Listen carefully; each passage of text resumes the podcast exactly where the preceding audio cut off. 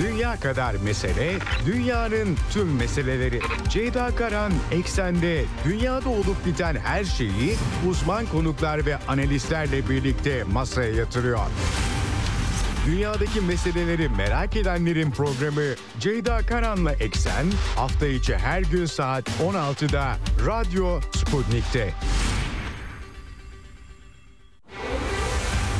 Ceyda Karan'la Eksen başlıyor.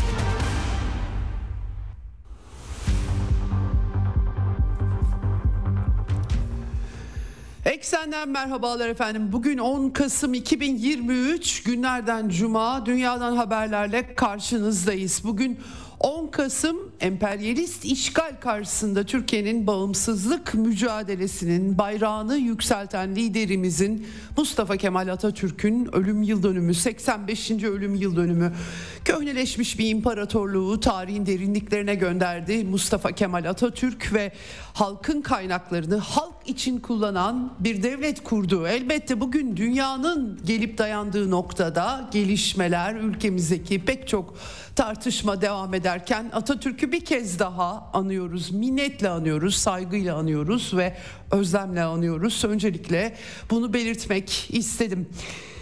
Gündem yüklü tabii Orta Doğu Türkiye Cumhuriyeti kurulmasaydı başımıza belki gelebileceklerin işaretleri Orta Doğu'da yıllardır, on yıllardır veriliyor açıkçası ve görüntüler hiç de parlak değil.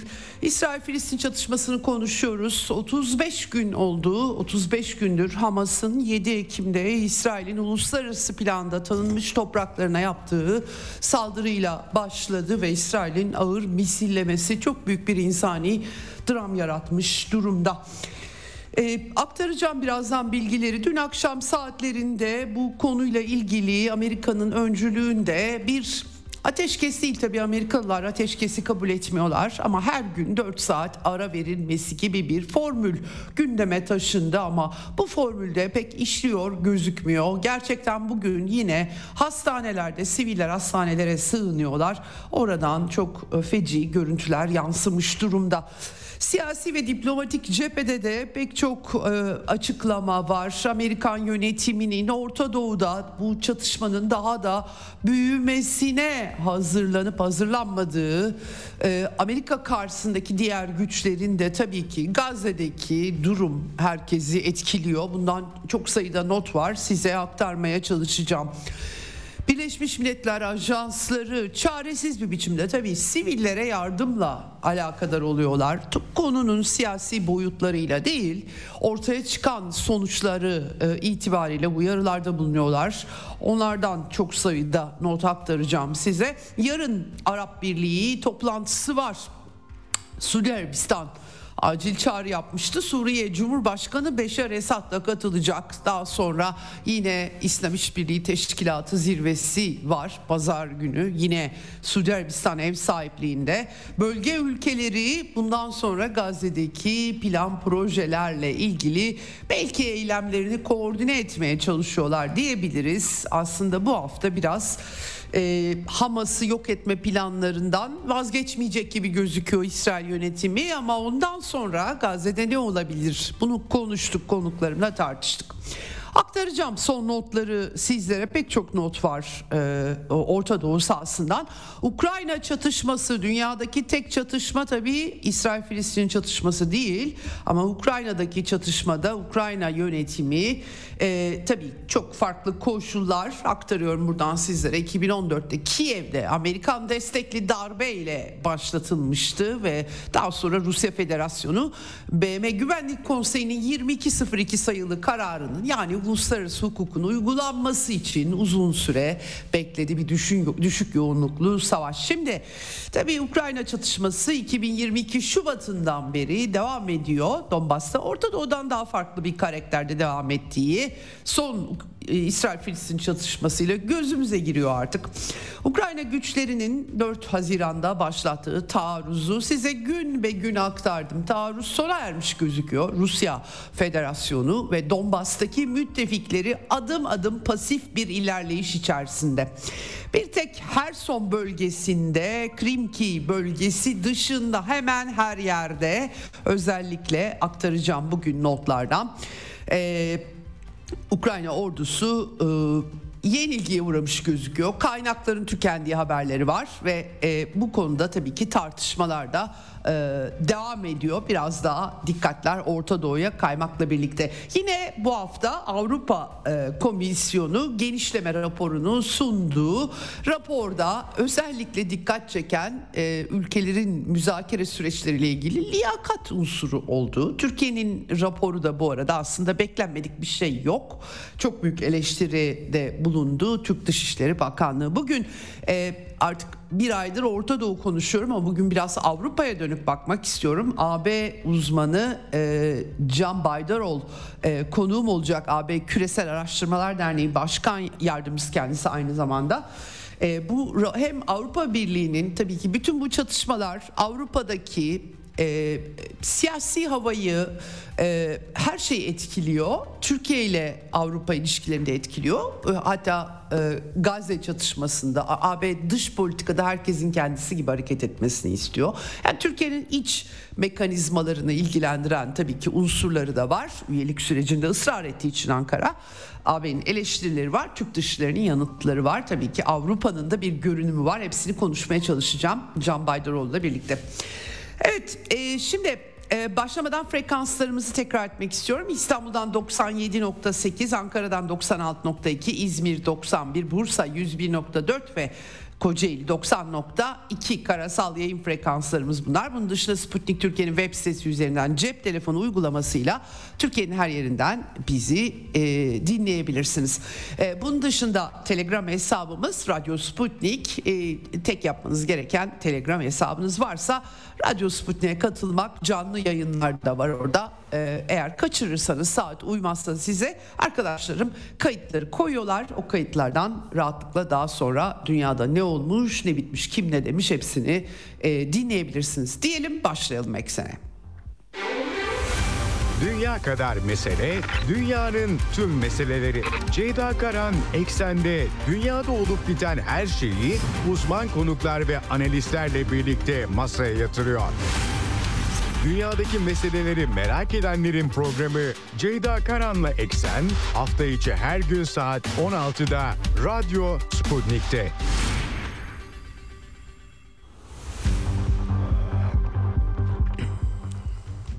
Evet, bugün İsrail-Filistin çatışmasının 35. günündeyiz ve e, görünüm hiç de parlak değil. E, Gazze şeridinde e, can kaybı 4300'den fazlası çocuk, 2800-3000 civarında kadın, 11 bin civarında can kaybı var. 30 bine yakın yaralı var. Tabii enkaz altındakiler her gün Maalesef yürek burkan görüntüler geliyor. İsrail kara harekatının başlamasından önce bombardımanlarla başlamıştı ama kara harekatı birlikte çok yoğun nüfusa sahip küçük bir bölge olduğu için sivil nüfusta tahliye edilmediği için e, bu görüntüler daha çok göze batıyor. İsrail'de de en az 39'u Gazze'deki çatışmalarda 360'a e, yakın kayıp resmi açıklama. Bu tabi daha fazla olabilir. 5000'den fazla da yaralı var. Yine 200 240'tan fazla da İsrail'de rehine Hamas ve diğer grupların Filistinli grupların elinde olduğu söyleniyor. Böyle bir durum var. Şimdi bugün yine tabi e, sabah saatlerinde Şifa Hastanesi'nin hedef alındığı etrafının hedef alındığı İsrail yönetimi Hamas militanlarının hastaneleri kullandıkları bulundurduklarını ya da etrafında keskin nişancılar bulundurduklarını dile getiriyorlar. E, tabii ki görüntüler de yayınlanıyor. Hamas da yayınlanıyor. İsrail e, zırhlı araçları ve tanklarına yönelik operasyonları.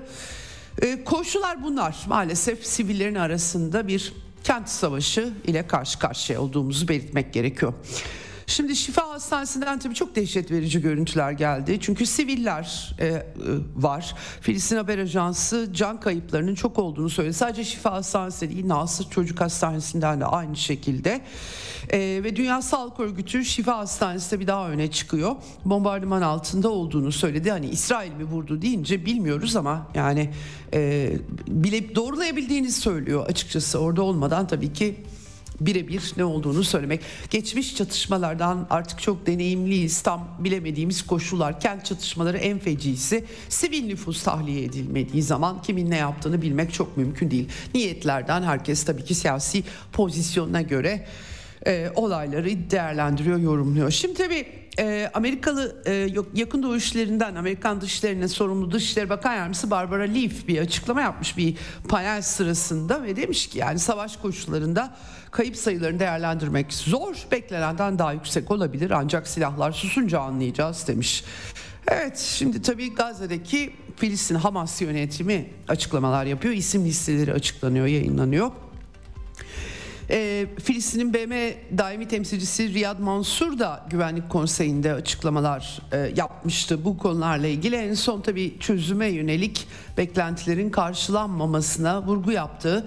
ABD'nin İsrail'e ateşkese ikna edeceğini umduklarını dile getirdi ama tabii Amerika'da pek çok tartışma var. Birazdan aktaracağım sizlere ve e, Amerikan yönetiminin İsrail'e tam desteği söz konusu hiçbir biçimde. Hani biraz tabii Sivillerle ilgili bir sıkıntı olduğu için e, o sivillerin zarar görmesi dünyada infial yarattığı için bunu engellemeye çalışmanın ötesinde İsrail'in arkasında durduğu ve çok e, yoğun da silah aktarımı yaptığı e, bunun bilgileri geliyor.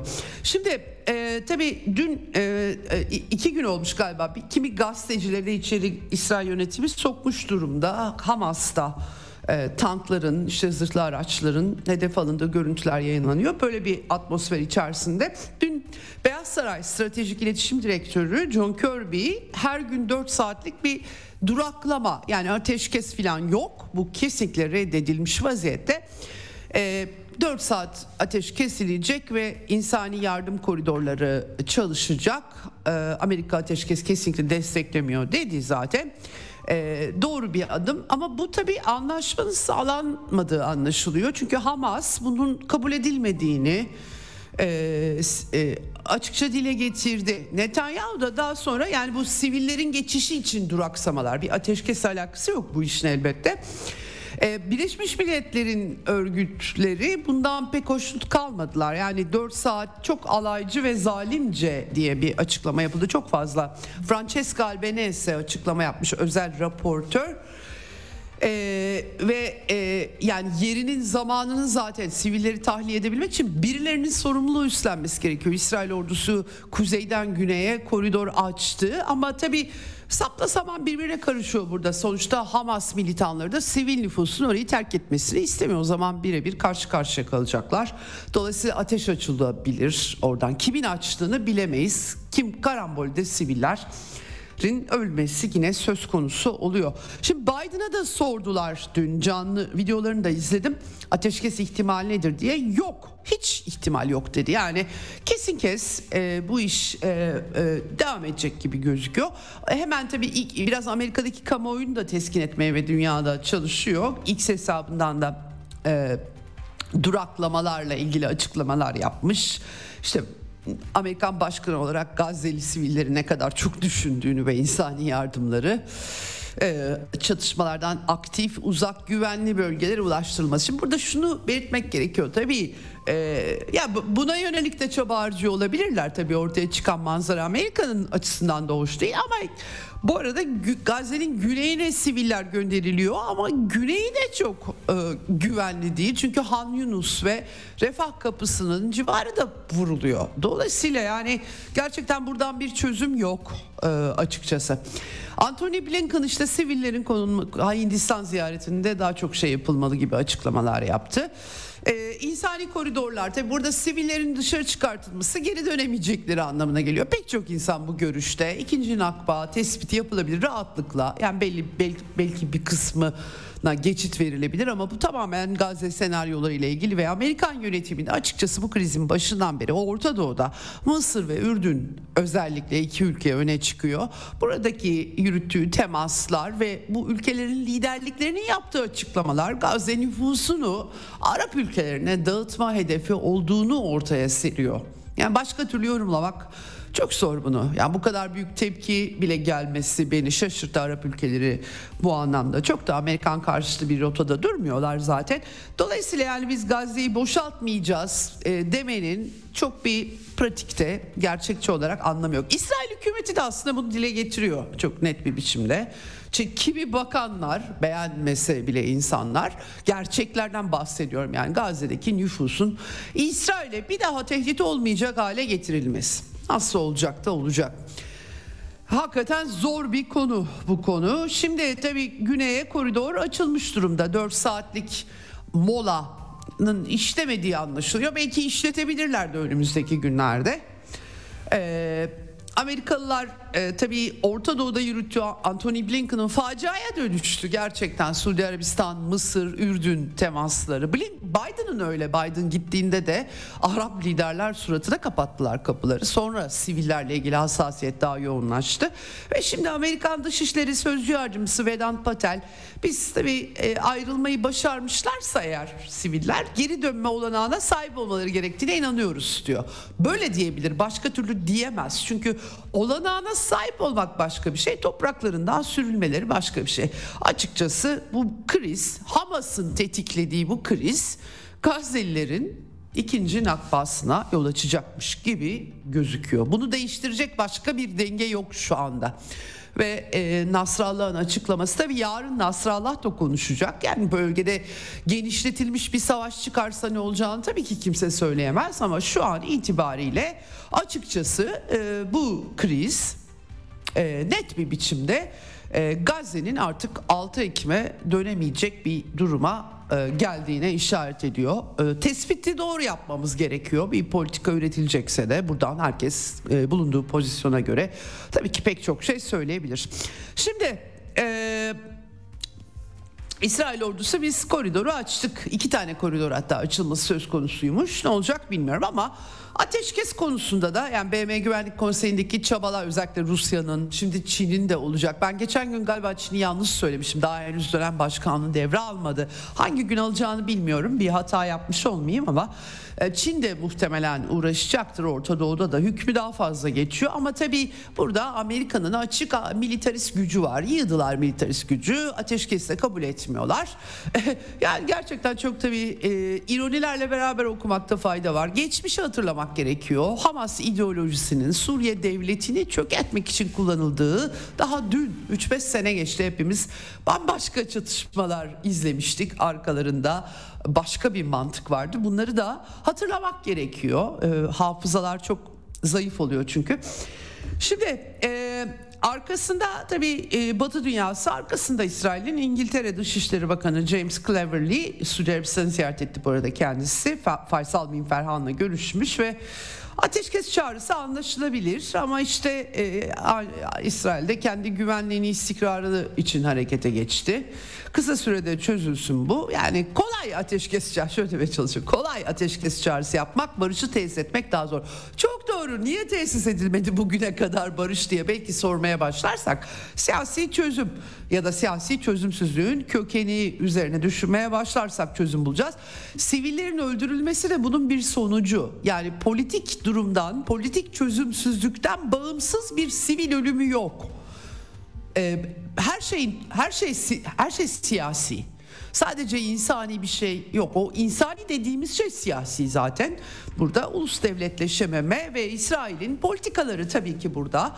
Şimdi ben aktardım bu hafta size yani Filistin özerk yönetimiyle bir barış ve Filistinlilere üzerinde yaşayacakları bir devlet e, e, verilmemesi ve Hamas'ın tabii ki desteklenmesi bizatihi Netanyahu'nun bunu yapması. Şimdi birdenbire Hamas baskınıyla bunu tersine çevirme görüntüsü var. Bilemiyorum ne kadar samimi olduklarını doğrusunu söylemek gerekirse. Çünkü Netanyahu bizzat devlet kuramasınlar diye Hamas'ı destekliyoruz, desteklememeliyiz diye 2019'da en son açıklaması olduğu için somut bir olgu bu. E, dolayısıyla yani Hamas'tan kurtulup Filistin özerk yönetimi yeniden daha laik, seküler bunu mu destekleyecekler? Emin olamıyorum açıkçası. Bölgede daha çok düşmanlıkları canlı tutarak e, var olma fikri olduğu anlaşılıyor. Maalesef bunun bedelini de İsrailli siviller de ödedi. Onu da belirtmek gerekiyor. Şimdi efendim e, bu tartışma gerçekten çok uzun bir tartışma. Güvenlik durumuyla ilgili nasıl güvende tutulacak bu koşullarda onu ben bilemiyorum. Ayrıca Hamas liderlikleri e, Doha'da işte onlarla da müzakere de yürütüyorlar. Çok acayip bir tablo var. Orta Doğu'yu bu hale getirenler kimler diye tekrar hangi politikalar diye düşünmek gerekiyor elbette. Bu arada herkesin dikkatinden kaçıyor ama bir de Güney Kıbrıs meselesi var ki Anthony Blinken e, yanlış hatırlamıyorsam Türkiye'de gelmeden önce hatta Bağdat'tan önce bir Güney Kıbrıs'a gitti. E, Güney Kıbrıs lideri Nikos Christodoulis, e, Christodoulis e, açıklama yapmış Gazze'ye yardım için e, Larnaka merkezli bir operasyon Doğu Akdeniz kullanımı geliyor akla. Ha, hastane gemileri falan böyle e, Türkiye'nin çok esamesi okunmuyor tabii Doğu Akdeniz bölgesinde bu bağlamda. 25 sayfalık bir tekliften bahsetmiş. Dikkat çekici. İsrail'den tabii henüz bir yorum yok ama Avrupa'dan gelen yardımların Gazze'ye aktarılması. Bunun da işlevini çok anlamış değilim aslında. Zaten refah kapısı var işin doğrusu. Yani yardımlar çok iyi koordine edilecekse, ateşkes ilan edilebilse hani bir çözüm gelecek. Mitsotakis de atlamış Yunan donanması tabii güçlü bir donanması var. Biz de hazırız filan demiş durumda. Ee, bilemiyorum tabii Türkiye'den bir tepki görmedim bu e, Güney Kıbrıs'ın e, insani yardım koordinasyonlarında böyle atlamasıyla ilgili dikkat çekici. Evet burada rehineler e, bir İsrailli kadın asker hava saldırısında rehin asker hayatını yitirmiş. Biri de yaralanmış ki Hamas'ın Lübnan temsilcisi Usame Hamdan kara harekatı başlamadan 17'siydi yanlış hatırlamıyorsam ee, bir gün önce e, çifte vatandaşları bırakma, bırakalım demişler ve İsrail hükümeti kabul etmemiş. Açıkçası içeride de Netanyahu yönetimine tepkiler olduğunu bir, e, aktarıyorum ben size. Çadır kurdular Knesset'in önünde. Onlar da doğal olarak yakınlarına kavuşmak istiyorlar ama bu koşullarda nasıl mümkün olacak hakikaten zor. Bir de tabii 7 Ekim'de şu müzik festivali baskını, Hamas'ın baskını sırasında gerçekten dehşet verici görüntülerde yani bir e, e, festival alanında e, şimdi burada tabii e, işte esir alındı katliam yapılmadı deniliyor ama ben bak pek çok görüntü izledim. Yani e, İsrail ordusu da burada çok deneyimsiz bir biçimde müdahale ettiği aşikar öyle görüntüler de vardı. Polis ilk başta sonra IDF de gelmiş anladığım kadarıyla savunma güçleri ordu yani. Fakat bizzat İsrail e, helikopterlerinin kamera görüntüleri yansıdı. E, tanıklara o da eklenmiş durumda. İlk gün kaos nedeniyle kimi yerlerde kendi vatandaşlarını öldürmüşler. Görüntüleri de var gerçekten. İsrail medyasına da yansıdı. Yani e, öyle bir kaos ortamı çıkmış ki rastgele ateş açtıkları ve pek çok insanın hayatını yitirdiği görülüyor burada. Böyle bir görüntü de var. Evet. Şimdi efendim Anthony Blinken Orta Doğu diplomasisinde gerçekten e, bu, bugüne kadar hiçbir şey çıkmamış durumda. Hemen arkasından e, ama geçen gün aktarmayı unuttum. CIA şefi William Burns e, arkasını hakikaten topluyormuş gibi bir izlenim taşımamak mümkün değil. E, e, bu konuda Katar'da temaslarda bulunmuş, Mısır'da temaslarda bulunmuş CIA direktörü eski Moskova Büyükelçisi bu, bu arada William Burns e, rehinelerin kurtarma kurtarılması planları Katar'da e, işte bütün bu mola e, hikayeleri falan oradan çıkıyor anladığım kadarıyla Orta Doğu ülkelerinde ikna etmeye çalışıyor. Amerikan yönetimi Blinken ikna edemiyor pek e, insani yardım filan. Ama El ile görüşmelerinde kulis bilgilerine göre hala ısrarla e, Gazze'nin Hamas sonrası nasıl bir yer olacağı yani e, Mısır yönetimi çünkü Gazze'deki Filistinleri almak istemiyor. Çok net çizgi. Bir de tabii Müslüman kardeşler, ihvan e, faktörü var. Mısır e, açısından terör örgütü niteliğinde ve Gazze'de e, Hamas'ın yani Filistin ihvanının elinde. Dolayısıyla e, Mısır için sıkıntılı bir güvenlik meselesi. Alıp onları Sina'ya taşısa yine güvenlik sorunu çıkacak. Fakat e, o olamazsa anladığım kadarıyla kimse kimseyi bir şey ikna edemediği için ee, Gazze'de hani İsrail ne kadar kalacak? Nasıl yerleşim mi kuracaklar? Pek çok senaryo açık bu bağlamda. Ee, El-Sisi hükümetinin iddiaya göre Gazze'nin güvenliğini almaya ki aslında 1948'den sonra yanlış hatırlamıyorsam 67 savaşına kadar e, öyleydi. E, dolayısıyla e, yani İsrail Sina'yı geri verdiği döneme kadar bir Mısır'ın etkinliği vardı ama Mısır'ın Gazze şeridinin kontrolünü isteyeceğini hiç zannetmiyorum doğrusunu söylemek gerekirse. O yüzden William Burns her ne kadar Anthony Blinken'dan çok daha iyi bir diplomat gibi gözükse de e, bu konuda ikna etmesi çok kolay değil bana sorarsanız. Şimdi Amerika'nın e, Orta Doğu'da insani meselelerden sorumlu özel temsilcisi David Satterfield var bir de. O da işte o da bölgede anladığım kadarıyla e, bir takım temaslarda bulunmuş ya da çevrim içi de toplantıya katılmış olabilir. İnsani yardımlar daha çok işte mola hikayeleri ama e, ısrarla tabii Gazze'lilerin geleceği Gazze'de başka yerde değil diyerek e, sürgün, zorunlu sürgün çünkü topraklarından edilmesi büyük bir problem. Arap devletleri bunu kabul etmiyor. Yarınki cumartesi günü işte e, Araplar Arap Birliği toplantısında hep birlikte göreceğiz ama e, bu konuda tabii araştırmalar da yapılıyor. Gazze'de Lazar Araştırma Enstitüsü Mariv gazetesi için İsrail'in bir anket yapmış ve %41 e, Gazze'nin uluslararası kontrol altında olmasını tercih ediyormuş. E, %22'si bunun güvenlik kontrolüyle sınırlandırıyor. Hani şu topyekün değil. Bu arada şunu belirtmek istiyorum. İsrail e, şimdi Türkiye kamuoyunda da çok gündeme getiriliyor bunlar. biraz böyle İsrail karşıtlığıyla da bağlantılı okumak lazım. İşte İsrail'in yayılmacılığından bahsediliyor. Doğru Batı Şeria ve hatta Gazze'de de kutsal yerler vardır ama işte daha da bölgeye yayılmak. Şimdi İsrail'in nüfusu zaten ortada. E, yanlış hatırlamıyorsam 9 milyon civarında ki bunların %20'si de Araplardan oluşuyor. Filistin Araplardan. E, İsrail vatandaşları. Dolayısıyla 6 milyon nüfusla İsrail nereye yayılacak diye bir soru var. Yani dünyadaki bütün Yahudileri getirip koysalar yine e, böyle bir yayılmacılık için nüfus zemini yok ortada. İkincisi 2005'te tek taraflı çekildi İsrail Gazze'den. Bunu hatırlamak gerekiyor. Yani ben burada İsrail ne şahane anlamında söylemiyorum ama olgu bu. Çekildiler yani tümüyle e, süresiz bir işgal talep ediyor olsalardı ya da siyasi hedef o olsaydı Gazze'den belki çekilmezlerdi.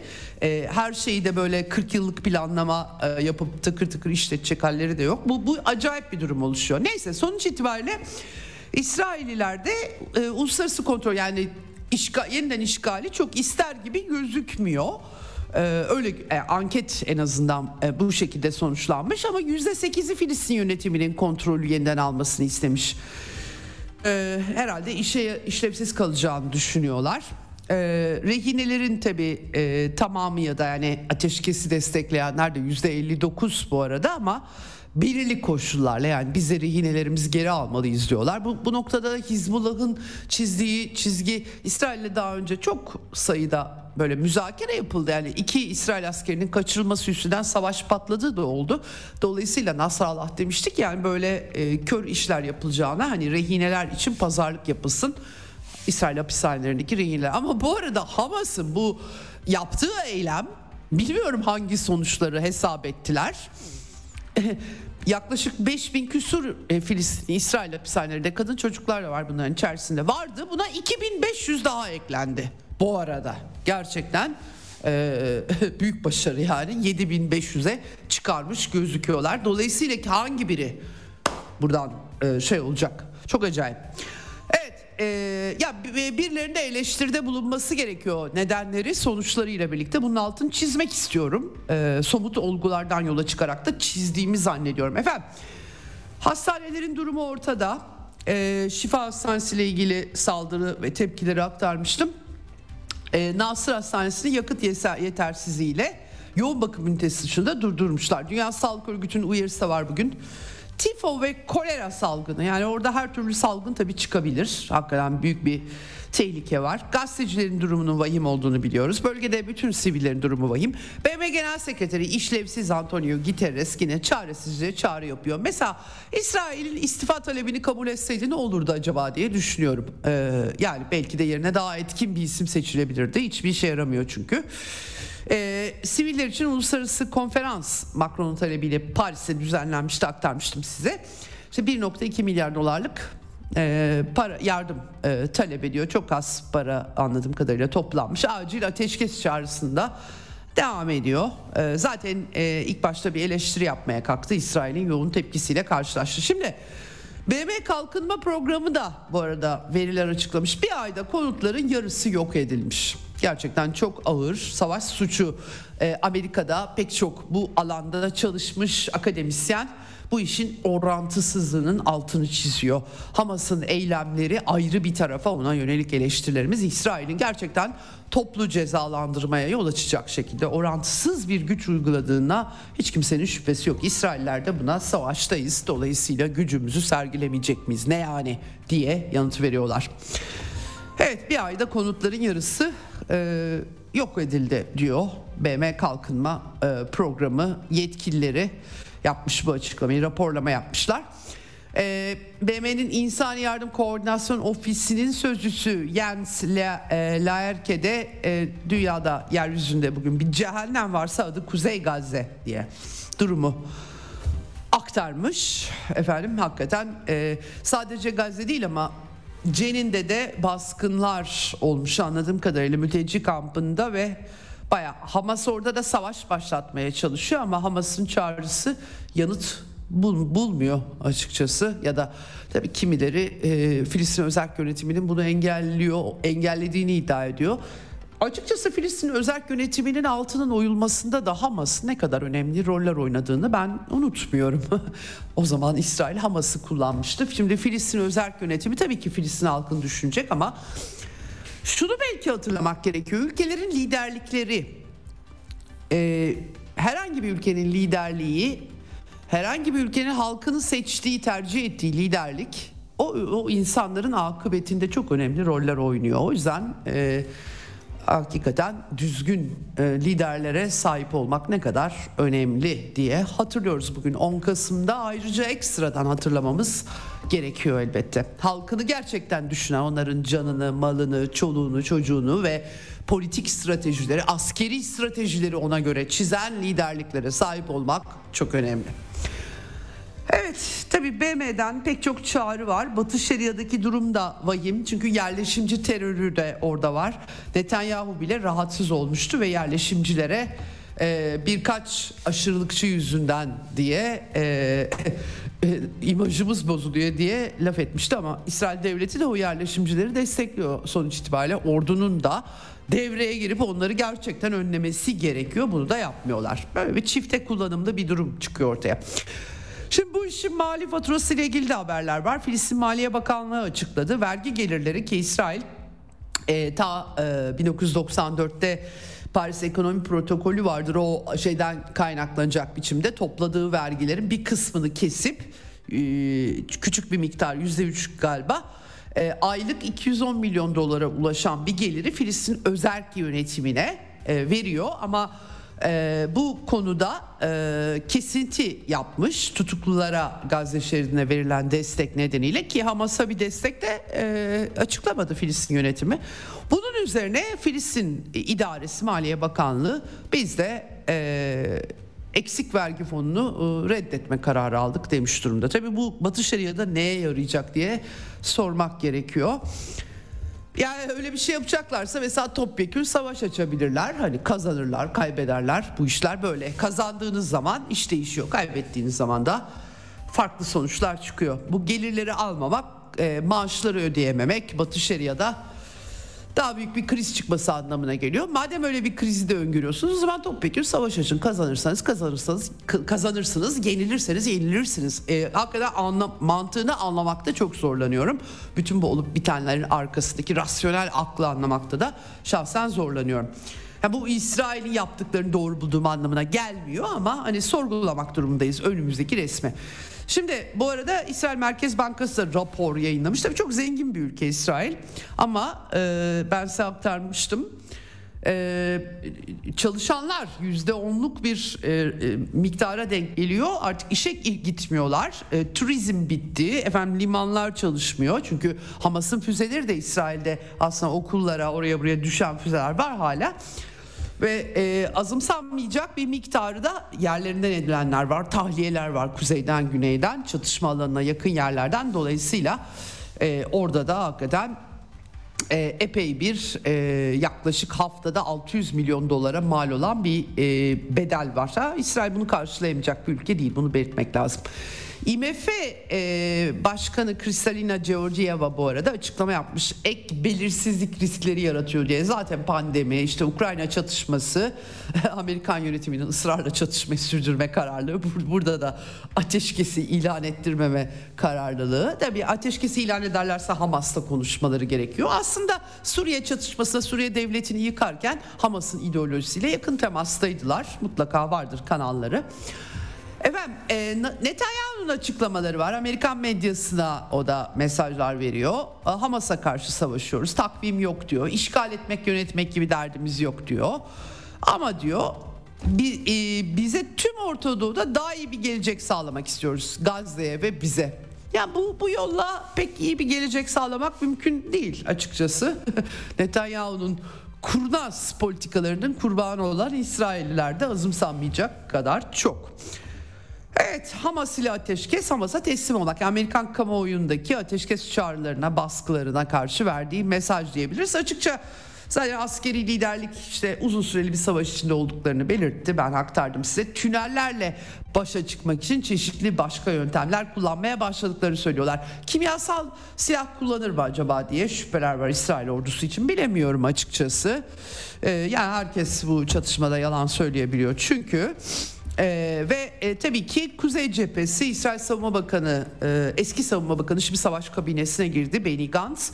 Lübnan'a girmemiz gerekirse gireceğiz dedi. Yani bu bir kararlılık beyanı. Bilemiyorum. İsrail'de tabii çok büyük kara harekatında şimdi kuzeyden bir kuşatma olduğu anlaşılıyor. Tamamlandı anlaşılıyor. Çok ağır askeri kayıplar e, verirlerse bu da çok net olarak açıklanmadığı için bilmiyoruz. Ukrayna çatışmasında çok fazla haber var sahadan. Rusya kaynakları özellikle hatta eğer sağlamını bulursanız tabii ki orada da güvenilmeyen kaynaklar var.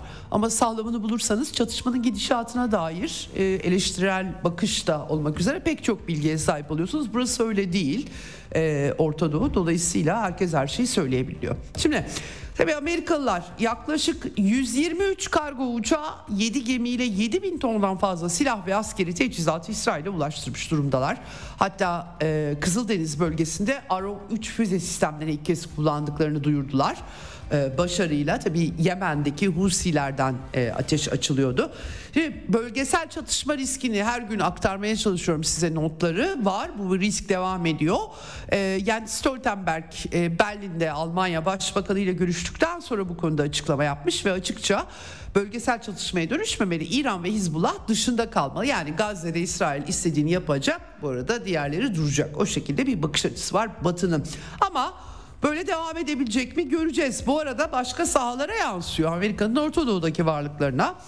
Ee, özellikle tabii ki Suriye sahasında Amerika Suriye e, demokratik güçleriyle birlikte hareket ediyor e, ve hava saldırıları yapıyorlar İranlı gruplara Suriye'nin doğusunda e, Irak'la geçişkenlik taşıyan bir sınır.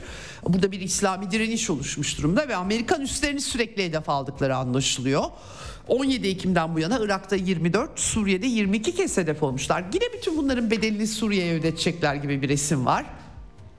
Dikkat ederseniz Suriye hükümeti tabii yarın Esad katılacak Riyad'daki toplam, toplantıya ama Suriye devletinin kimler tarafından nasıl çökertilmeye çalışıldığını herhalde Şam hükümeti asla unutmadı. Bu krizde tabii ki Filistinli sivillerin haklarını savunacak ve İsrail'in saldırganlığını kınayacak ezeli düşmanlık da elbette var Suriye ile İsrail arasında. Ama böyle Hamas'a özel olarak alkış tutmayan doğal olarak ve ülke Suriye diyebiliriz rahatlıkla. İran Dışişleri Bakanı savaşın genişlemesinin kaçınılmaz olduğunu söylemiş Katarlı mevkidaşıyla görüşmesinde. İsrail'in yine tabi e, Eylat şehrinde bir İHA bir okula düşmüş. İsrail'in e, e, buna yanıtı Suriye'yi vurmak olmuş yine. Dediğim gibi olan Suriye'ye oluyor. Bu arada kuzeyde de e, e, problemler vardı. Onları aktarmıştım size. Kuzeydeki El-Kaideciler İdlib'deki onlar da İsrail'e karşı gıklarını çıkartmıyorlar elbette. Evet, e, Orta Doğu'da siyasal İslam üzerinden kurulan denklemler çok faydalı olmuyor kimse için tabii ki. Evet şimdi e, Şam e, yönetimi Süveyde'de e, bir takım mevzilere Suriye'nin güneyinde e, saldırılar 6 F-16 jeti Rusya e, Suriye'deki tarafları uz- uzlaştırma merkezinden yapılmış bu açıklama. Dolayısıyla böyle bir e, çerçeve var. Aynı zamanda Erbil'deki Amerikan üssüne de İHA saldırısı Erbil'in 70 kilometre kuzeydoğusunda Harir kasabasındaki yakıt deposu patlamış bayağı görüntüleri gerçekten büyük bir patlamaya işaret ediyordu. Evet e, çerçeve bu şekilde yarın Arap Birliği pazar günü İslam İşbirliği e, e, teşkilatı zirvesi var. Cumhurbaşkanı Erdoğan da yanılmıyorsam herhalde Arap Türkiye'nin Araplarla alakası olmadığı için herhalde İslam İşbirliği toplantısına gidecek Cumhurbaşkanı.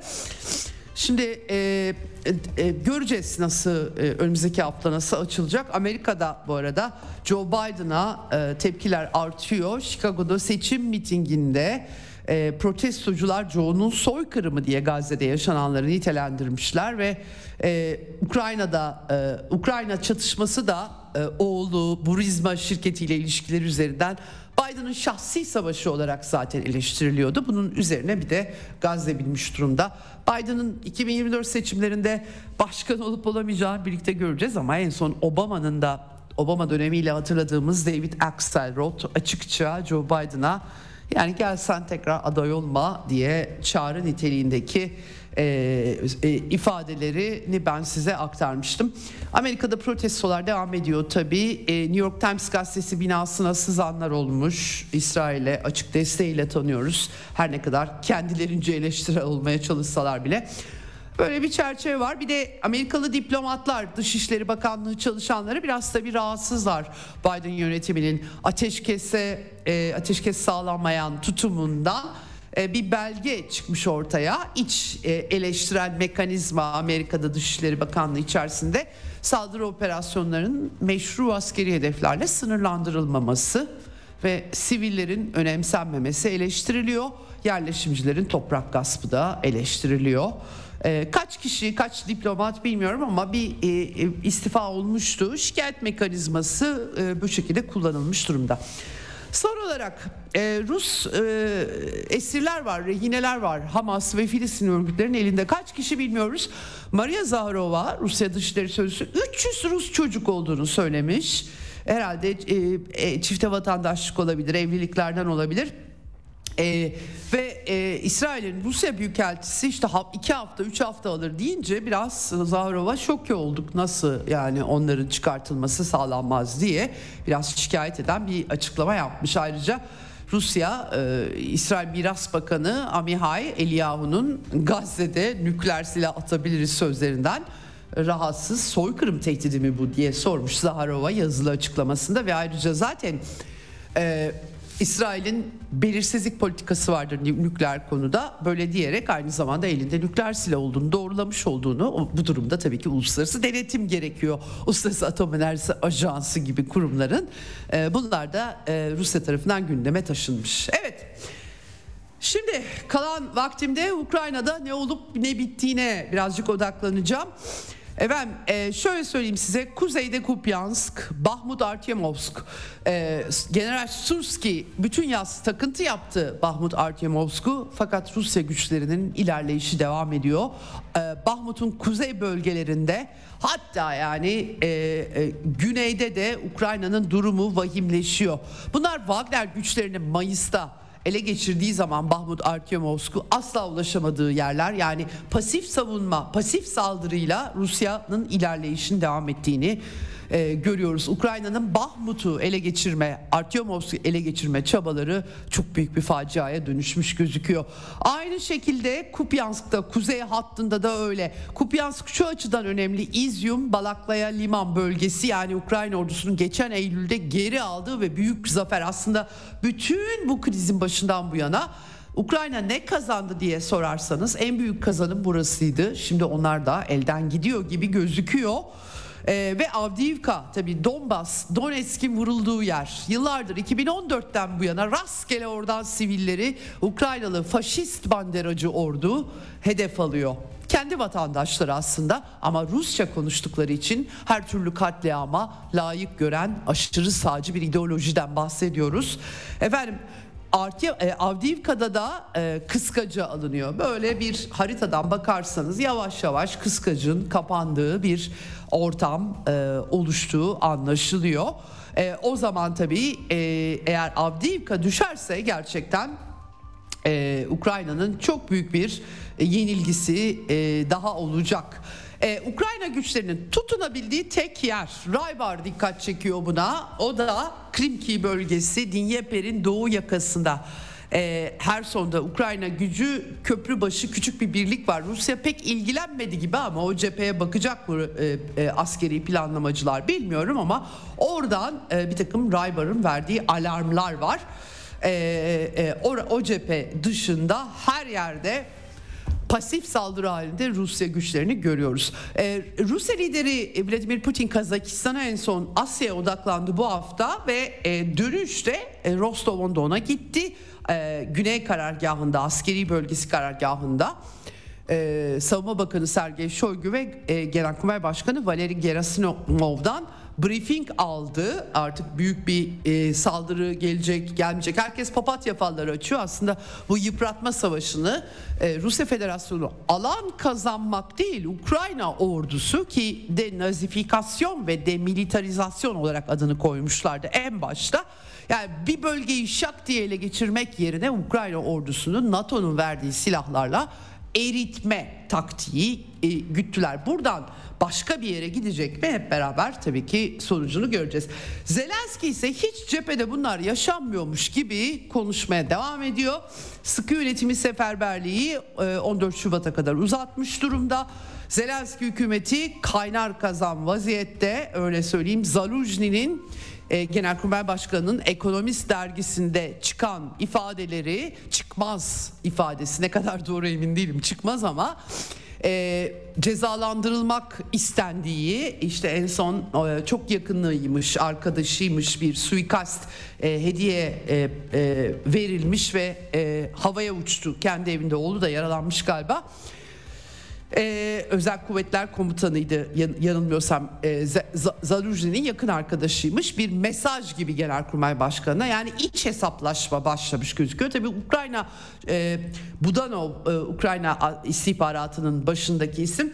Bu, bu tür suikastlarda uzmanlar e, bu çatışmada da gördük. Darya Dugina suikasti Rus yazarlar gazetecilere suikastler Şimdi kendi içlerinde de suikastlere mi kalkıştılar soruları ortaya çıkıyor. Tabii e, NATO e, Bükreş Forumu'na e, katılmak üzere NATO Genel Sekreter Yardımcısı Nilsia e, Geoana e, açıklamalar yapmış ve müttefiklerde yorgunluk hissetmiyorum demiş ama e, Ukrayna'yı desteklemeye devam ediyoruz. Tabii yeterli üretim kapasitesine henüz sahip değiliz e, demiş durumda.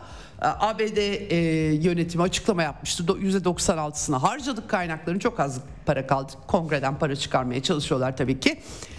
Ee, e, Avrupa için önemi bir yana dünyanın nasıl olacağı buna bağlıymış. Efendim nasıl oluyor da Kiev'de açıkça neo-nazi Stepan Bandera bizim e, en büyük devletimizin kurucusu diyen bir mantık nasıl oluyor da dünyanın geleceğine hakim oluyor? Benim aklım almıyor. Aşırı sağcı bu adamlar açıkça bas bas bağırıyorlar. Ne olduklarını kendileri söylüyorlar ama affedersiniz yani ben artık buna hiçbir şey diyemiyorum. Ee, e, akıl akılsa aklım hafsalam almıyor. Ee, bu koşullarda hatta Avrupa Birliği üyesi yapacaklar. Neyle yapacaklar? Ekonomik iflas, para yok, bir şey yok. Ama Ursula von der Leyen çıkıp diyor ki efendim liyakat. Çok acayip. Avrupa Birliği üyesi olmak için liyakat. AB'ye ne kadar liyakatla bağlıysanız şahane bir resim çıkıyor karşınıza. Evet, şimdi tabii e, sağda durum bu efendim e, açıkçası. İstişareler olduğu söyleniyor. NBC'nin haberi vardı aktardım size. Time dergisi haberi vardı. Bitti bu iş. Ukrayna'yı da zorluyorlar diye ama Zelenski bir komedyen, sanatçı adam. Rol yapıyor sürekli olarak. Ee, NBC haberindeydi yanılmıyorsam. Sığınaktan çıkmayıp bunalım içerisinde. Ee, röportajlarını görüyorum. Para vermeyin, kredi verin bize, öderiz falan gibi böyle bağıran bir adam. Ee, bilmiyorum ne kadar kokain çekmiş ama Ukraynalıları perişan ediyor. Ee, Donbaslıların da seçmediği bir isim olduğunu hatırlatmak isterim. Orada sandık mandık kurulmadı tabii. Darbeden sonra Odessa'da cayır cayır aşırı sağcı Soroscular insanları yaktığında bu çatışmanın çok eski kökenleri var elbette.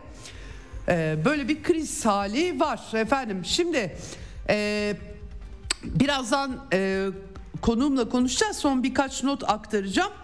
Dün Avrupa e, Komisyonu'nun e, raporlarından bahsetmiştim. Tabii Slovakya Ukrayna'ya yardımı kesti Robert Fico. Romanya'da Ukrayna savaşına karşı duranların yükselişi var. Ve Avrupa Birliği içten içten çatırdıyor gibi bir resim var açıkçası. Ee, yani Amerika'nın hegemonya mücadelesinin bedelini Avrupa Birliği ödüyor, Avrupalılar ödüyor. Ee, ben aktarmıştım size Ruslar araçla diyelim Finlandiya'ya işte Avrupa'ya geçecekler arabalarını almıyorlar. Tuvalet kağıdı varsa yanında onu almıyorlar. Şahsi eşyalarını almama kararı. Avrupa Parlamentosu Genel Kurulu oturumunda artık yeter demişler. Artık bu kadarı da bizi itibarsızlaştırıyor. Yani e, çünkü 21. yüzyılın yeni Yahudileri Ruslar biliyorsunuz. E, normalde toplu cezalandırma fikrine itiraz eder AB değerleri e, mesela İsrail hükümetinin yaptıklarından İsrailli sporcular sorumlu tutulamazlarlar ama Rusya hükümetinin yaptıklarını beğenmiyorlarsa Rus sporcuları sorumlu tutabiliyorlar. Tamamen çifte standart. E, Rusya vatandaşları sınırdan geçerken araçlarını almamak, kişisel eşyalarını almamak falan.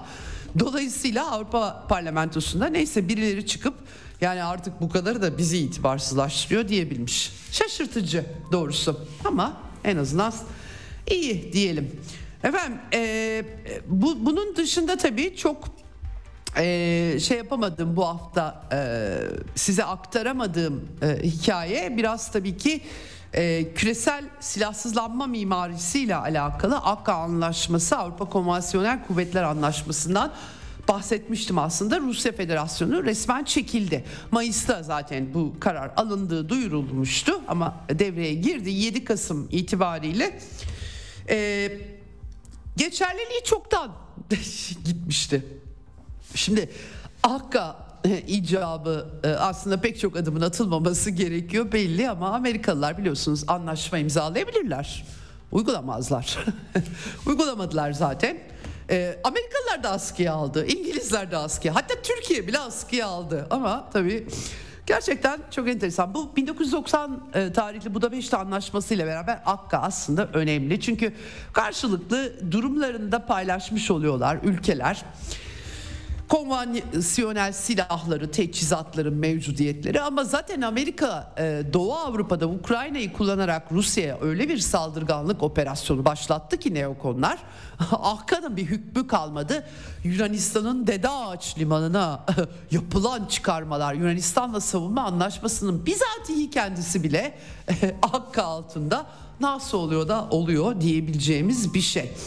Amerika ama kendi zaten uymadığı anlaşma için e, bize çekilmek dışında çare bırakmadılar diye açıklama yaptı. John Kirby söyledi bunu. Efendim e, tabii bu bir şey değiştirecek mi? Değiştirmeyecek çünkü zaten uyulmuyordu buna açık bir biçimde. Fakat e, silahsızlanma mimarisinin geldiği nokta bakımından her gün adım adım adım adım bir küresel çatışmaya doğru gittiğimizin belki işareti işte e, çılgın neokonlar Amerikan seçimlerine bakacağız. Önümüzdeki bir yıl içerisinde bir savaş çıkmazsa eğer hani bütün dünyayı bir büyük çatışmaya sürüklemezlerse hegemonya krizlerini fırsata çevirmek hedefli. Belki bunları daha detaylı olarak konuşmamız e, mümkün olabilir. Bu anlamda son olarak size aktaracağım bu haftanın notu. Efendim teknolojiden e, Elon Musk e, SpaceX'in, Tesla'nın, işte Twitter'ın, eski Twitter X e, platformunun sahibi e, Musk'ın beyin implant şirketi e, Neuralink ilk beyin çipi ameliyatı hazırlıklarını tamamlamış efendim. e, gerçekten başka bir dünya. 40 yaş altında gönüllüler. E, ya biraz tabii böyle e, felç, melç gibi faydaları olabilir elbette. Çünkü tıp ilerliyor. Ee, eğer e, hakikaten işe yararsa e, bedenlerinde problem yaşayan insanların hayatlarını değiştirebilecek önemli bir e, deneyimin eşiğinde olduğumuzu anlıyorum ve e, burada e, tabii çip meselesi de çok tartışılacaktır çünkü robotlaşma gibi bir e, sıkıntı da var. Teknolojinin hep iki yüzü var. Bir yüzü insanın ilerlemesine hizmet ediyor. Ama ilerlemek her zaman çok şahane bir şey oluyor mu ondan emin değilim. Umarım bu beyin çipi e, ameliyatı başarılı olur ve bedensel özürleri olan ya da bedensel sorunları olan insanların e, e, ne derler e, faydasına bir sonuç elde etmiş oluruz diyelim. Evet. Şimdi kısa bir tanıtım az sonra buradayız.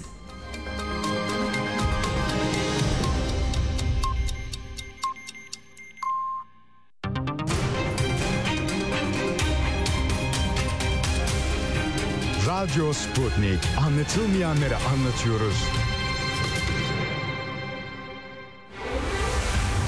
Ceyda Karan'la Eksen devam ediyor.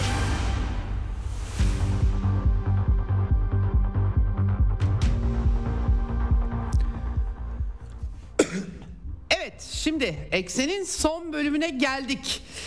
Ee, bu bölümde biraz Avrupa e, Komisyonu'na bakacağız. Avrupa Komisyonu bu hafta e, raporları açıkladı. Müzakere süreçleriyle ilgili raporları açıkladı. Önemli tabii ki Avrupa'da Batı Balkanlar perspektifi var. Efendim Avrupa'da Ukrayna e, olgusu var.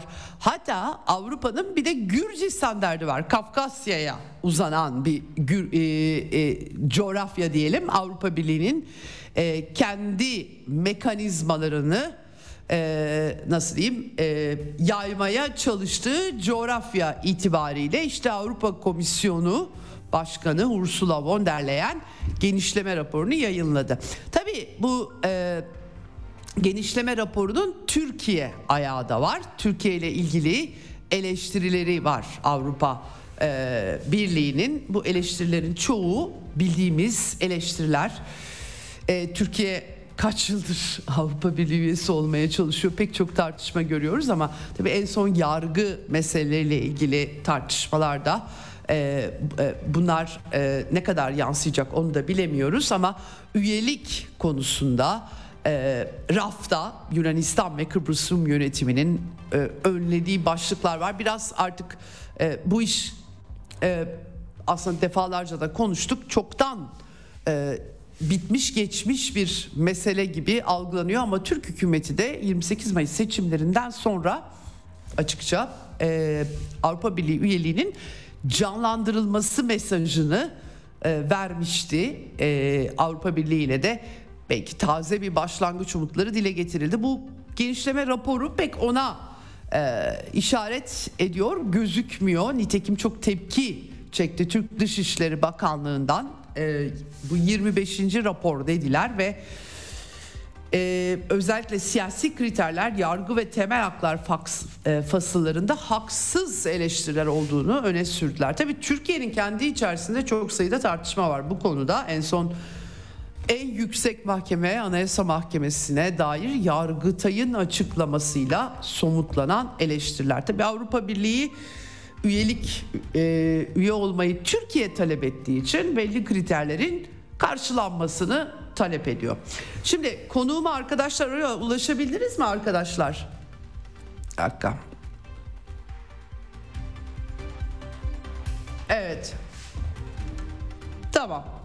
Tamam şimdi hemen arkadaşlarım birazdan e, Can Baydaroğlu'la konuşacağız onu alacaklar. O zamana kadar ben notları aktarmaya çalışacağım size yine. E, şimdi yargı ve temel haklar, adalet, özgürlük, güvenlik fasılları. Tabii. E, Türk evet. Can Bey hoş geldiniz yayınımıza. Ben de küçük özetler geçiyordum size bağlanana kadar, bağlayana kadar arkadaşlar. Nasılsınız? İyisiniz inşallah diyeyim önce. Ee, Vallahi çok şükür. Ee, Yani benim telefonum garip bir telefon. Bazı telefon numaralarını kabul etmiyor. O yüzden ben size Aa, anladım.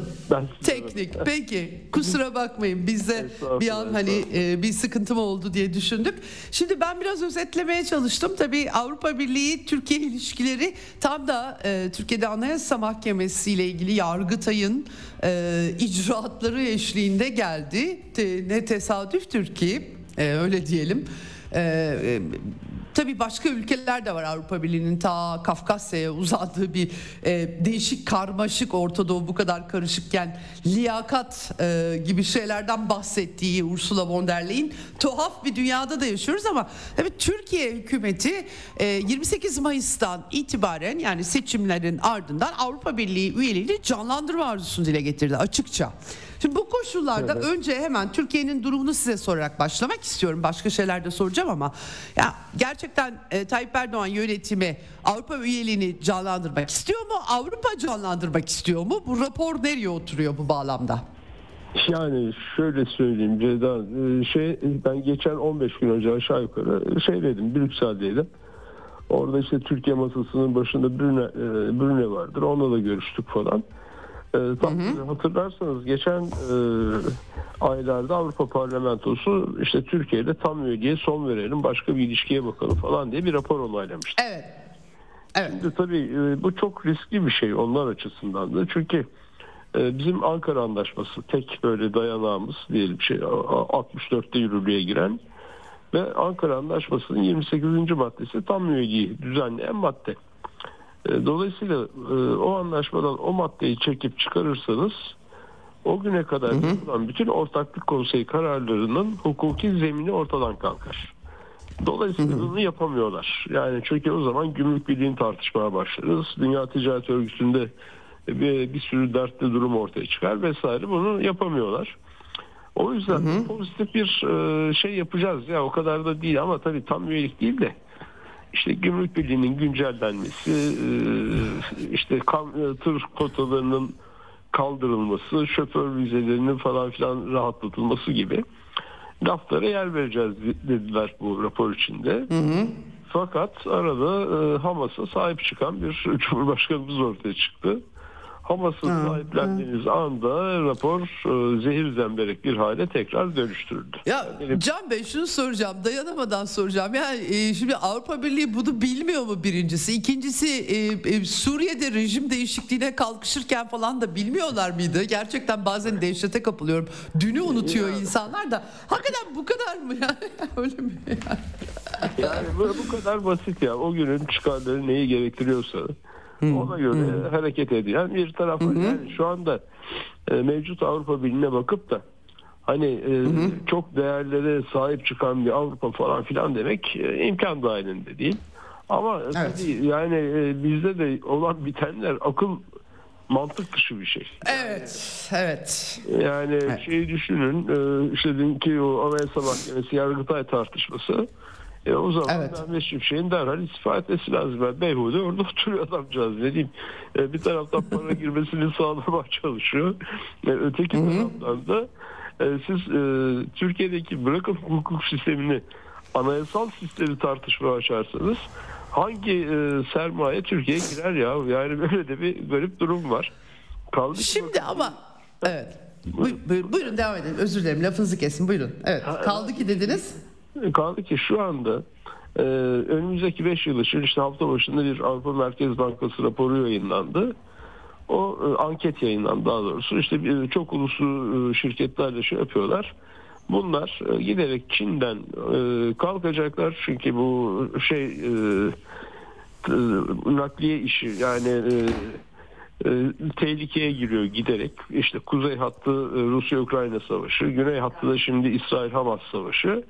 E, dolayısıyla diyorlar ki Türkiye'de riskli bir bölge. Bu tedarik zinciri için e, zorluklarla karşılaşmamak için biz Avrupa Birliği'nin komşu ülkelerine bu işi getirelim.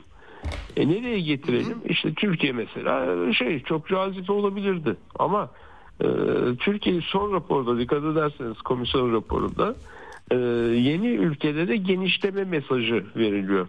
İşte Ukrayna, Ukrayna olur mu pek tahmin etmiyorum. Ama e, işte şey Bo- Bosna Hersek diyor vesaire. Yani dolayısıyla gelin bakın buralara yatırım yapın. Çünkü bunlar tam ne olacak? Güvencemiz altına gelecekler gibi bir mesaj da var.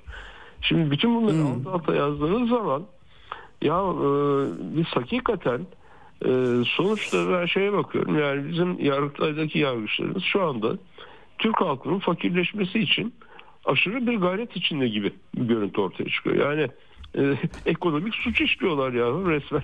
Yani bunu Evet. bugüne Ha şimdi Avrupa. Birliği'nin Evet Avrupa Birliği'nin hani siyasi de- değerler bölümünü falan artık geçtik hani rasyonel bir biçimde e, işte Türkiye ekonomisine fayda sağlayabilecek ilişki biçimlerinin de blokesi oluyor diyorsunuz yani bütün, bütün Aynen, bunlar. aynen, aynen, aynen. Yani siz hukuk sistemini bu, yani hukuk ve ekonomi o kadar iç içe bir şey ki. Yani e, tamam Avrupa Birliği Evet. kötü, onlar kötü, şunlar kötü. E, biz çok Evet. iyiyiz Allah aşkına yani.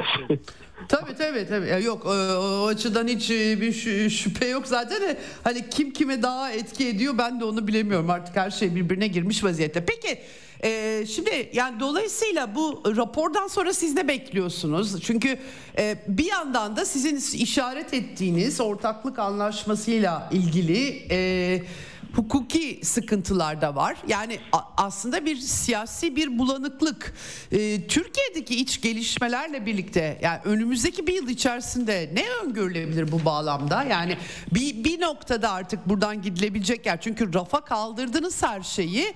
E, tümüyle iplerin koplama, kopmasına mı gider? Biraz da konjonktürle ilgili. E, siz ne bekliyorsunuz? Çok merak ediyorum gerçekten. Çünkü her düzeyde gümrük birliğini konuştuk. İşte e, vizelerin e, efendim vize meselesi yılan hikayesine döndü vesaire. Tek somut şey Avrupa ile Türkiye arasında göçmen anlaşması. O da bizim lehimize işlemiyor zaten görüyoruz. Dolayısıyla bu, bu, bu rapordan sonra ne öngörülebilir? Valla şimdi aralığı bekleyeceğiz. Aralıkta işte malum zirveleri olacak. Ee, Evet liderler şimdi zirvesi. Liderler zirvesinde e, ne mesaj çıkacak onu e, gözlemlemeye çalışacağız. Ama şeyi de hatırlayalım yani 80'de darbe olduğu zaman e, Türkiye ile AB arasında o sıradaki AYT tabii ilişkileri askıya almışlardı. Ondan sonra işte Özal e, göbeği çatlamıştı tekrar canlandırmak için falan filan.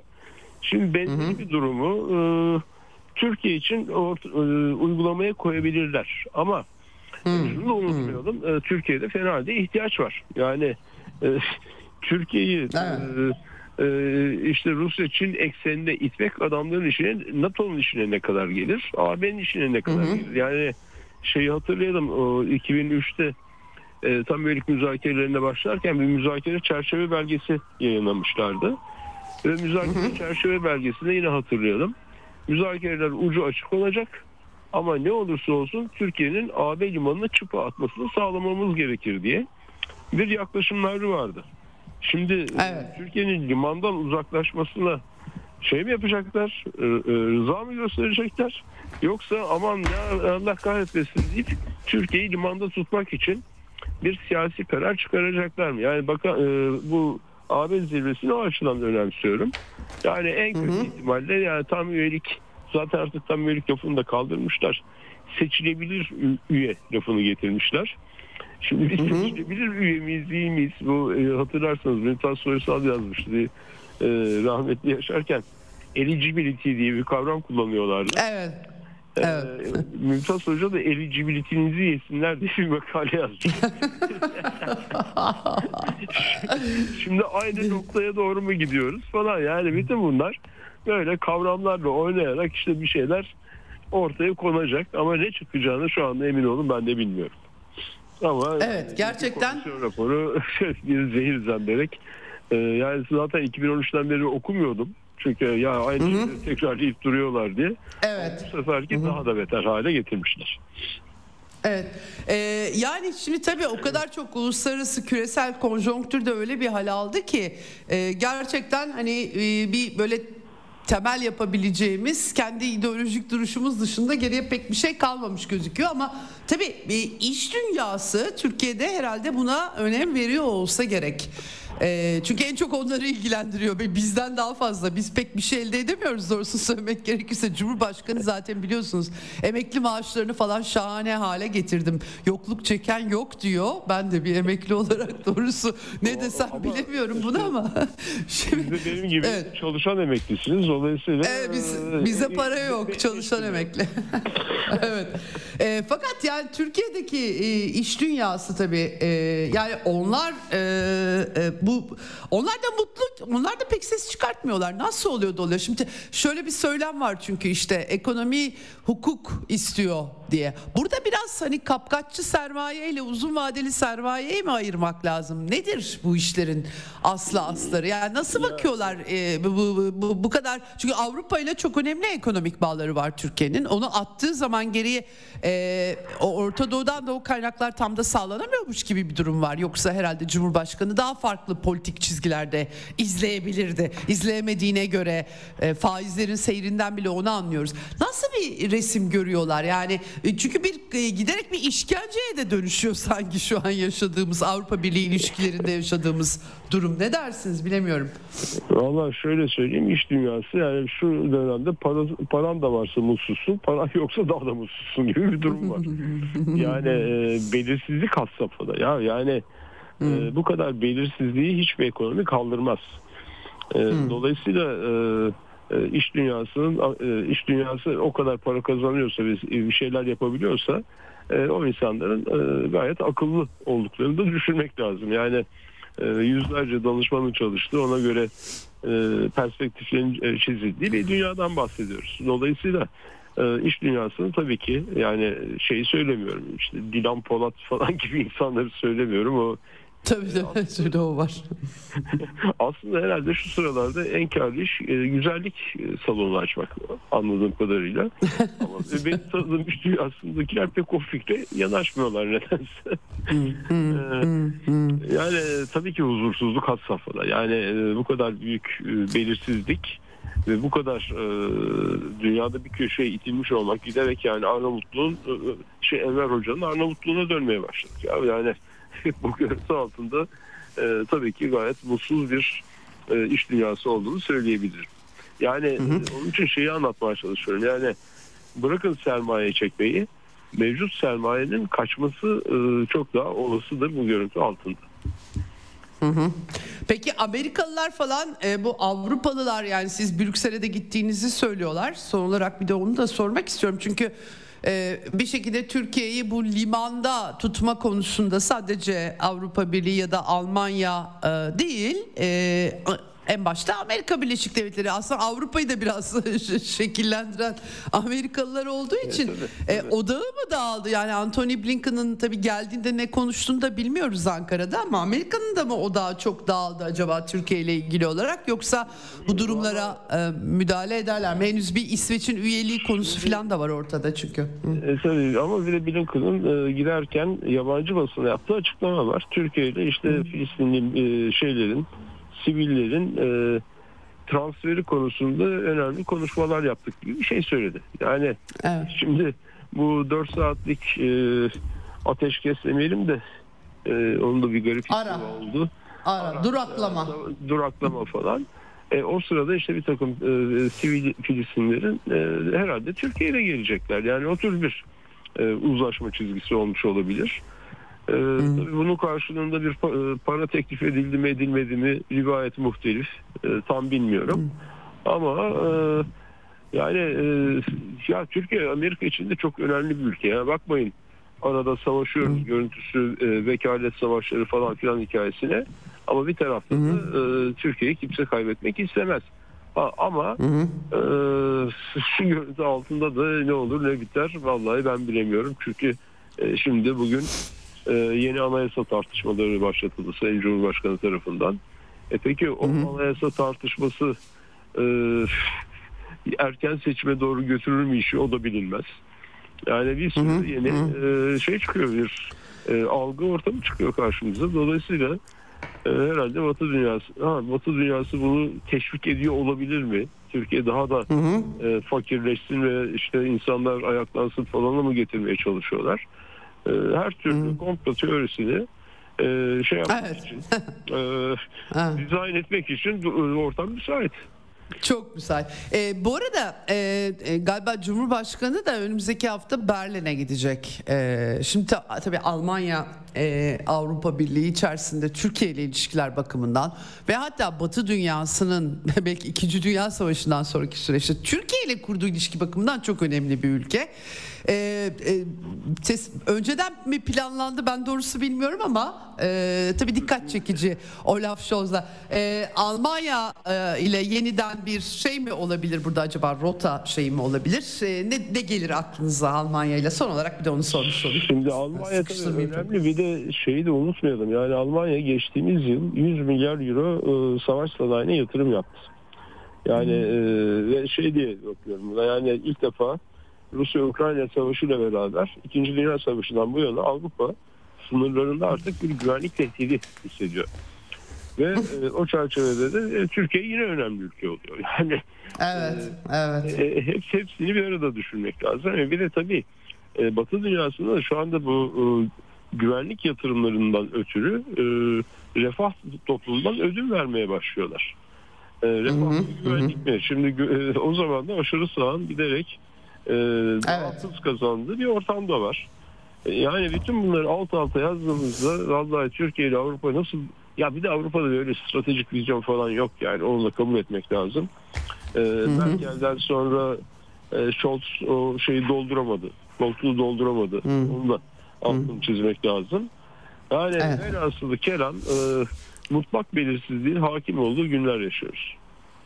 Evet. Peki. Çok teşekkür ederim. Gerçekten bu komisyon raporu dışişlerinin e, sert tepkileri tepki veriliyor ama ortaya da pek bir şey de çıkmıyor. Bir kıvranış hali aslında yansıyor diyebiliriz değil mi? Öyle bir Yani resim var. te- te- tepki vermek iyidir de işe yarar mı yaramaz mı başka bir şeydir. Temenniden öteye Evet. geçemediğimiz günler maalesef. Evet. Çok teşekkürler değerlendirme için Ben sevgili Can ederim. Yayınlar Sağ olun. Sevgili Ceyda. Evet teşekkürler. Evet gerçekten tabii e, Türkiye-AB ilişkileri çok uzun süredir öyle rafta duruyor ama işte seçim sonrası yeniden bir böyle bir canlandırma tabii artık daha çok pazarlık konusu haline geldi. İşte İsveç'in NATO üyeliği, NATO'nun genişlemesi, Türkiye'nin Rusya ile küresel güneyle ilişkileri ama bir yandan ekonominin durumu o kadar feci ki para da lazım bir yandan. Gerçekten bir kıskaca dönüştü. Bize AB ve Küresel Araştırmalar Derneği Başkan Yardımcısı Can Baydaroğlu'la e, ömrünü bu işe vermiş bir isim kendisi. Tabii onun da Avrupa ile ilgili gördüğünüz gibi e, hayal kırıklıkları var. Artık hani e, herkes kendi çıkarına bakıyor. Öyle değerler meğerler de pek kalmadı diyerek ifade etti. Gerçekten bunlar tabii uygulanan politikaların sonuçları aslında bir, bir, bir şekilde ve ekonomi politiğin de sonuçları ve bunun e, hegemonya mücadelesi, askeri yatırımlar derken Almanya ile ilgili işaret etti 100 milyar euro diye ama işaret etti ama Ukrayna sahasında Leopard tankları cayır cayır yanıyor. Almanya ucuz Rusya enerjisinden oldu. Yani Donbas çatışmasının barışçı çözümü olsaydı eğer bunların hiçbirisi belki olmayacaktı. Bu kadar ağır siyasi sonuçlar olmayacaktı. Aşırı sağa yönelme olmayacaktı. Dönüyor dolaşıyor tabii ki. Ee, Ukrayna asıllı Amerika'daki neokon yöneticilerin hırslarına bu iş e, dönüyor dolaşıyor oraya gidiyor. Efendim bu arada e, e, bu vesileyle de tabii Cumhurbaşkanı Erdoğan'ın Berlin'de Scholz'la görüşeceğini önümüzdeki hafta olacakmış. Biz de bununla ilgileneceğiz tabii.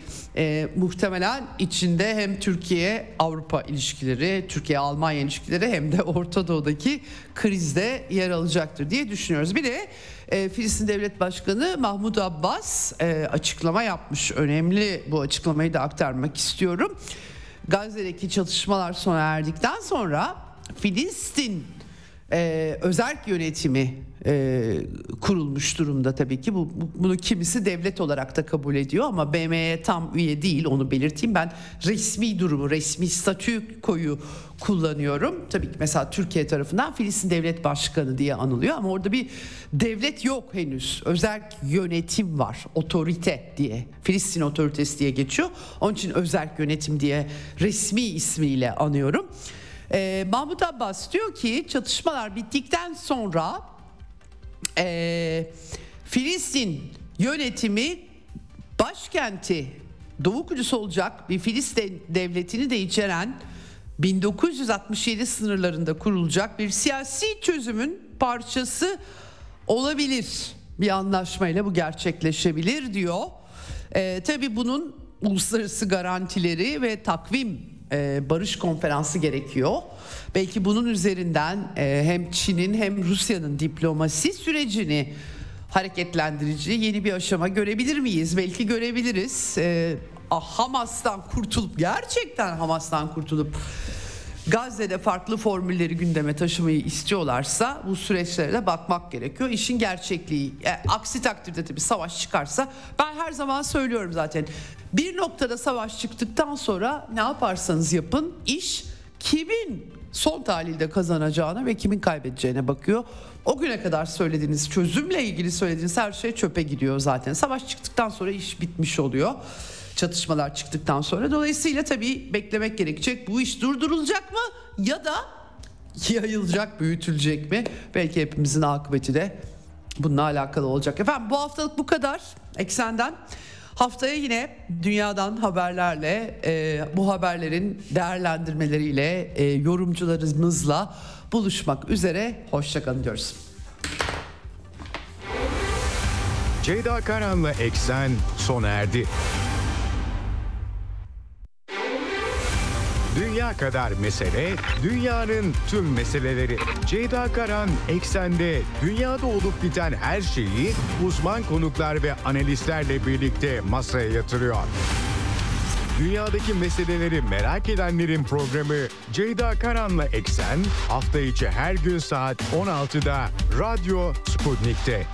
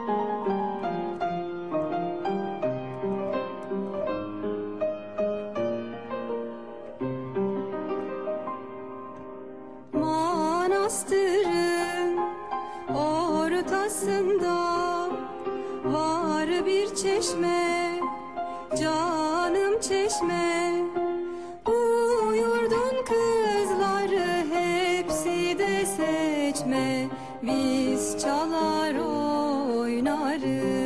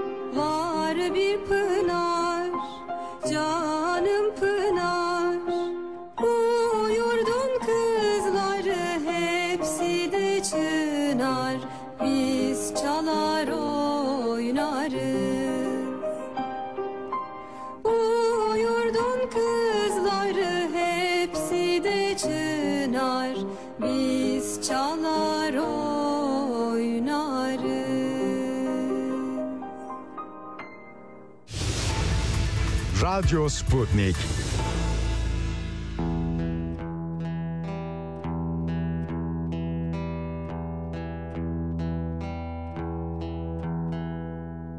İzmir'in dağlarında çiçekler açar. İzmir'in dağlarında çiçekler açar. Altın güneş orada sırmalar saçar. Altın güneş orada sırmalar saçar Bozulmuş düşmanlar yel gibi kaçar. Bozulmuş düşmanlar yel gibi kaçar. Yaşa Mustafa Kemal Paşa yaşa. Adın yazılacak mücevher taşa Yaşa Mustafa Kemal Paşa yaşa. Adın yazılacak mücevher taşa